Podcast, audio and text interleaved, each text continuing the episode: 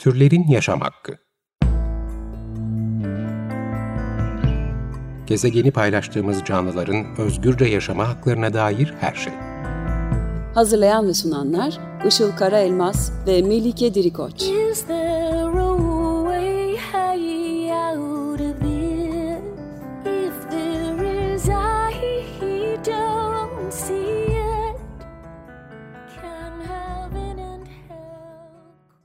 Merhabalar.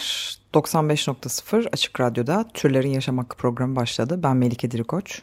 Geçen programda Barbie filmi ve Barbie'nin kültürel dünyası üzerinden e, eleştirel bir şeyler paylaşmıştım sizle.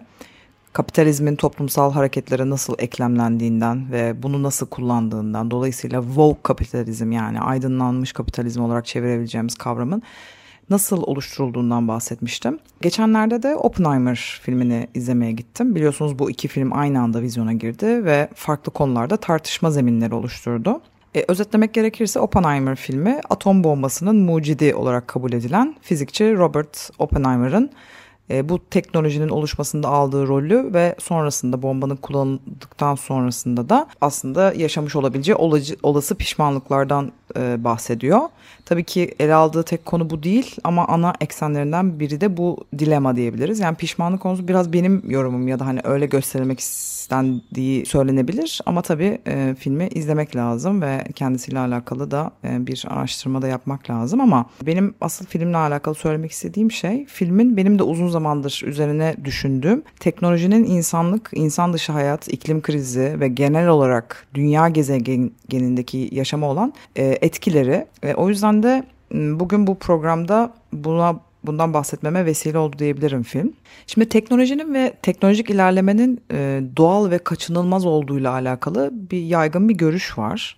E, sanki işte yeni çıkan her teknolojik gelişmeyi sahiplenmemiz gerekiyormuş ve bu çok iyi bir şeymiş gibi genellikle algılanıyor. Hatta yani teknolojik ilerleme yapıyor muyuz diye kendimize dönüp e, kendi gelişimimizi, insanlığın gelişimini, işte üstünlüğünü e, ara ara böyle çek ediyoruz biliyorsunuz.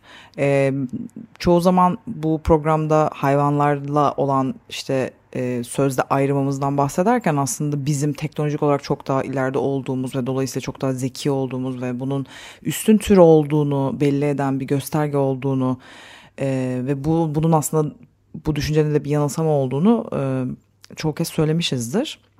Ama maalesef bu e, kabul edilen sanki bir e, insanlığa verilen bir lütufmuş gibi algılanıyor genelde. Yani işte günlük hayatımıza bakacak olursak sanki yeni çıkan bir telefonu tabii ki de almalıyız gibi düşünüyoruz ya da bir yerlere tabii ki de daha hızlı her seferine gitmeliyiz. Ee, tabii ki de her zaman daha iyisini, işte daha hızlısını, daha büyüğünü, daha imkan imkansızını yapmalıymışız gibi bir algı söz konusu maalesef ama kendimize şunu soralım. Bunu gerçekten yapmalı mıyız ve buna kim karar veriyor? Sürekli bu ivmelenen buluşlar çağında gerçekten buna adapte olmalı mıyız? Bunu gerçekten istiyor muyuz ve bu bizi nereye götürüyor? gibi soruları başlangıç olarak kendimize sorabiliriz. Ee, şimdi sizlere bu konuda Amerikalı anarko-primitivist yani anarko-primitivizmi anarşist ve ilkelci olarak çevirebiliriz. Ee, yazar John Zerzan'ın Makinelerin Alacakaranlığı kitabından bir bölüm okuyarak aktarmak istiyorum. Makinelerin Alacakaranlığı Çok uzun zaman önce W. H. Oden şöyle özetlemişti. Zamanımızın durumu sersemletici bir suç gibi kuşatıyor bizi. Çok yakın geçmişte bunalım her yerde kendisini gösterip derinleşmiştir. Şartlar hızla kötüleşiyor ve eski çözümlerin hiçbiri yardım etmiyor. Dostum ve aynı zamanda komşum olan bir kadın belagat ve basiretle bu duruma değindi. Birileriyle uğraşırken hepimizin kalbinin kırık olduğunu akılda tutmamızı öğütledi. Dünya sisteminin ve özellikle bu toplumun yani Amerikan toplumunun hangi yöne doğru gittiğini bilmeyen çok kişi kaldı mı gerçekten? Sanayi uygarlığının bir marifeti olan küresel ısınma bu yüzyıl sona ermeden çok önce biyosferin canını okuyacak. Gezegenin her yerindeki türlerin suyu artan bir hızla tükeniyor. Okyanuslardaki ölü bölgeler artıyor. Toprak ve hava gittikçe daha fazla zehirlenirken yağmur ormanları ve geriye kalan her şey gözden çıkarılıyor. 2 yaşındaki çocuklar bile antidepresan kullanıyor. Gençler arasında görülen duygusal hastalıklar geçen 20 yılda iki katın üzerine çıktı. Gençler arasında görülen intihar oranları 1970'lerden bu yana 3'e katlandı. Yakın tarihli bir araştırma lise öğrencilerinin neredeyse üçte birinin en azından ayda bir kez aşırı içki içtiğini gösterdi. Araştırmacılar erken yaşta içki içmenin Amerika'da salgın boyutlarına ulaştığı sonucuna vardılar. Bu arada pek çok kişi evlerde, okullarda, iş yerlerinde meydana gelen öldürme olayları karşısında zor geçen her günü atlatmak için bir ilaca ihtiyaç duyuyor. En sonki patolojik gelişmelerden biri çocuklarını öldüren ebeveynlerdir. Toplumsal çekirdeğin parçalanmasından sarsıcı ve dehşete düşürücü fenomenler yumağı ortaya çıkıyor. Boşluk, keder, stres, can sıkıntısı, kaygıdan oluşan bir peyzaj içinde yaşıyoruz. Bu peyzaj içinde insani doğamız doğal dünya arta kalanla birlikte giderek daha fazla değerden düşürülüyor. Dediklerine göre bilgi miktarı her 5 yılda bir ikiye katlanıyor. Fakat gitgide teknikleştirilen, homojenleştirilen bu dünyada sürekli yalınlaşan gerçeklik çoğunlukla şüpheye yer bırakmayacak bir yere kadar devam ediyor. Uygarlığın kendisi sonunda bir fiyaskoya dönüştü ve insanlık tahakküme mutlak bir teslimiyet halinde kendisini tasfiye ederek sona eriyor. Her şey nasıl el üstünde tutulan, tamamen bozguna uğratılmış ve sinik postmodern zeitgeist yani zamanın ruhiyle tam olarak uyum içinde. Sembolik kültür duyularımızı dumura uğratmış, dolayımsız deneyimi bastırmış ve Freud'un öngördüğü gibi bizleri kalıcı içsel mutsuzluk durumuna getirmiştir. İnsal faaliyetlerinin insanlar böylesine neden düşman olduğunu sorma gereği duyacak denli küçük düşürülüp güçsüzleştiriliyoruz. Bu gezegendeki diğer yaşam formlarına olan düşmanlıktan söz etmiyorum bile. 1997-98 yılları Güneydoğu Asya'nın her tarafında yanmakta olan 4 milyon hektarlık ormandan birkaç ay boyunca yükselen dumanları tanıklık etti. 4 yıl sonra canı sıkılmış gençlerin çıkardığı yüzlerce yangın Doğu Avustralya'nın her tarafında haftalarca tüm şiddetiyle devam etti. ABD'de yeraltı suyu ve toprak kirlenmesi, insan idrarındaki antidepresan konsantrasyonlarından dolayı ölçülebilir seviyelere ulaştı. Toplumdaki yabancılaşmayla bitki ve hayvan topluluklarının yok edilmesi, birbirine kenetlenerek sağlık ve yaşam karşısında dehşetli bir şiddet dansına tutuşuyorlar. Basite indirgenmiş varoluş, kendisini sorgulayan her şeyi ve herkesi giderek etkisiz hale getiriyor. Hüküm sürmekte olan teknokapitalist kötülüğe özgü temellerin her türlü sorgulanmasına alerjisi olan postmodernizmin şaşırtıcı şekilde uzlaşmacı yapısını başka türlü açıklamak mümkün mü? Ve her şeye rağmen yeni bir toplumsal hareketin şiddetli itici gücü olarak sorgulama gün ışığına çıkıyor ve hızlı şekilde ilerlemeye başlıyor. Yaşam dünyasının hayati belirtileri her düzeyde kötüleşirken bu duruma tanık olanların durumla yakından ilgilenmeleri ve çözüm aramaları gerekiyor. Bunun yerine çoğu insan doğa ile uygarlığı karşı karşıya getiren felç edici ikili karşıtlığı irdilemenin sınırsız sayıdaki yolunun kaçınılmaz bir sonuca varmaktan giderek daha da aciz olduğuna karar vermiştir. Birkaç öngörülü birey modern zamanlarda soru sormaya başlar. Horkheimer, doğa ve insanları tahakküm altına almanın ve bu tahakkümün arasındaki araçsal aklın uygarlığın en derin katmanlarından kaynaklandığını fark etti. Batay, insanın kendisini doğuran doğa anayı reddettiğini ve bu hareketin bizati boyun eğmeye giden yolu açtığını kavradı. Toplumsal hareketler olmadan geçen yaklaşık 30 yılın ardından bir yeniden doğuşun peşinden koşuyoruz. Her alandaki artan bunalımın harekete geçirdiği ve bu bunalımın farkında olan 1960'ların hareketlerine nazaran daha derin anlayış ve eleştiriye sahip bu yeni hareket daha iyi bir terim bulunamadığı için anarşisttir. Kasım 1999'da Seattle sokaklarındaki birkaç günlük Dünya Ticaret Örgütü karşıtı gösterilerden bu yana küreselleşme karşıtlığının yönelimi giderek daha belirgin hale gelmiştir. Barbara Epstein 2001 sonbaharında yazdığı bir raporda anarşizm bu hareket içindeki baskın perspektiftir hükmüne varıyordu. Esther Kaplan'ın Şubat 2002'de gözlemlediği gibi Seattle'ın üzerinden aylar geçtikçe giderek daha fazla eğilim, eylemci kendini yalın bir şekilde açıktan açığa anarşist olarak tanımlamaya başlamıştır ve anarşist fikirli kolektifler artıyor.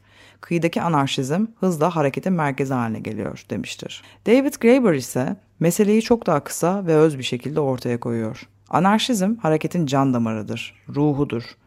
Harekete dair yeni ve umut verici çoğu şeyin kaynağı anarşizmdir.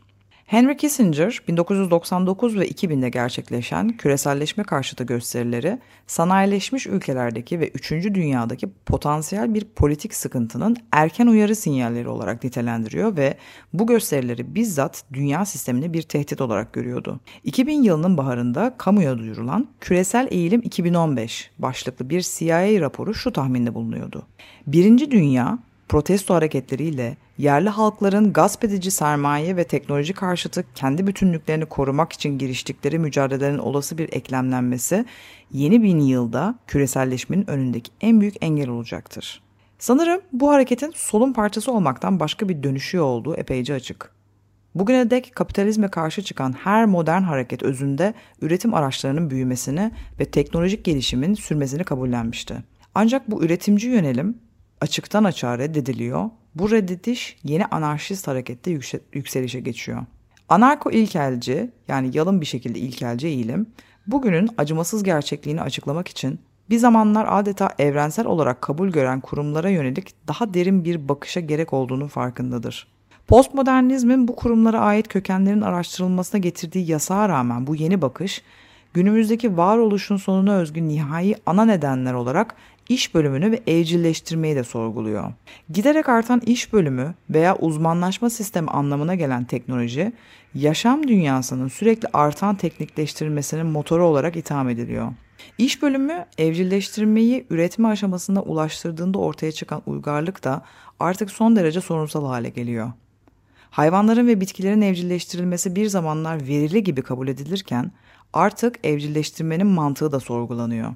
Örneğin genetik mühendisliği ve insan klonlamanın anlamını kavramak, bunların doğanın tahakküm altına alınmasına yönelik asıl hamlede yani evcilleştirmede örtük halde bulunduğunu kavramaktan geçiyor. Bu eleştirel yaklaşımın yanıt vermekten ziyade soru sorduğu görülse de kesin yanıtları hedeflemeksizin gelişen bir anarşist bilinci geri döndürmek mümkün değil. İlkelci anarşizmin mihenk taşlarından ya da esin kaynaklarından biri son yıllarda antropoloji ve arkeolojide ortaya çıkan tarih öncesi dönemdeki insanların toplumsal yaşamına dair paradigma değişimidir. Uygarlık sadece yaklaşık 9000 yıl önce ortaya çıktı. Doğal anarşi durumu denilebilecek bir durumun keyfini süren binlerce nesil düşünüldüğünde uygarlığın süresi çok kısadır. Ders kitaplarını da kapsayan antropoloji kaynakçasındaki genel ortodoksluk uygarlık dışı yaşamı geniş bir boş zaman yaşamı olarak tasvir ediyor. Eşitlikçi, besinlerin paylaşıldığı bir yaşam tarzı, cinsiyetlerin görece özerkliği ya da eşitliği, örgütlü şiddetin yokluğu. İnsanlar takriben 2 milyon yıl önce lifli sebzeleri pişirmek için ateş kullandılar ve en azından 800 bin yıl önce açık denizlerde seyahat ettiler. Bizimkilere eşdeğer zekaları vardı ve hep var ola gelmiş dünya doğal dünya içinde kat be kat daha başarılı, yıkıcı olmayan bir uyum geliştirdiler. Ders kitapları eskiden Homo'nun evcilleştirmeyi ya da tarımı kabul etmesinin neden bu kadar uzun sürdüğünü sorardı. Halbuki niçin kabul ettiklerini soruyorlar şimdi.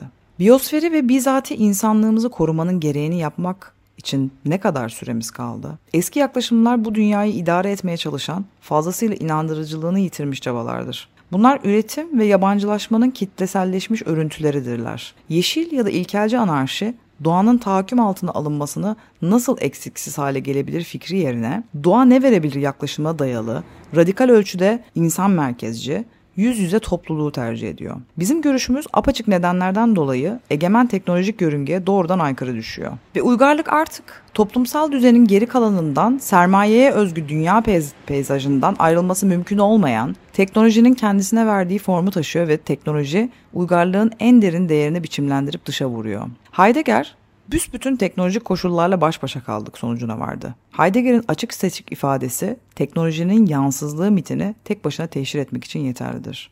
İş bölümünün başlangıcından günümüze kadar teknoloji bir varsayım haline aldı ve bir ilgi konusu olarak bastırıldı. Tam da genel teknikleştirme, dünyayı karakterize ettiği ve modern yaşamın en egemen yönü olduğu noktada üzerindeki örtü kalkıyor. Teknolojinin gündelik yaşamı istila edip sömürgeleştirmesi ve fiziksel çevreyi sistematik olarak yerinden etmesini görmemek ve saklamak mümkün değil. Sağlık da bu sorunlardan sadece biri. Zira hastalıkların kökünü kazıma iddiasında olan endüstriyel ilaçlara karşı giderek daha fazla direnç kazanan mikropların yeniden dirilişine ve çoğalışına tanık oluyoruz. Teknolojinin yaşamlarımızdan filtre edilip uzaklaştırıldığı çok yönlü duyumsal zenginlik, çeşitlilik ve dolaysızlıktan bir haber olduğumuz varsayılırken Gittikçe artan keder duygusu, depresyon, kaygı, ümitsizliğin bir takım semptomlarını antidepresanlar maskeliyor.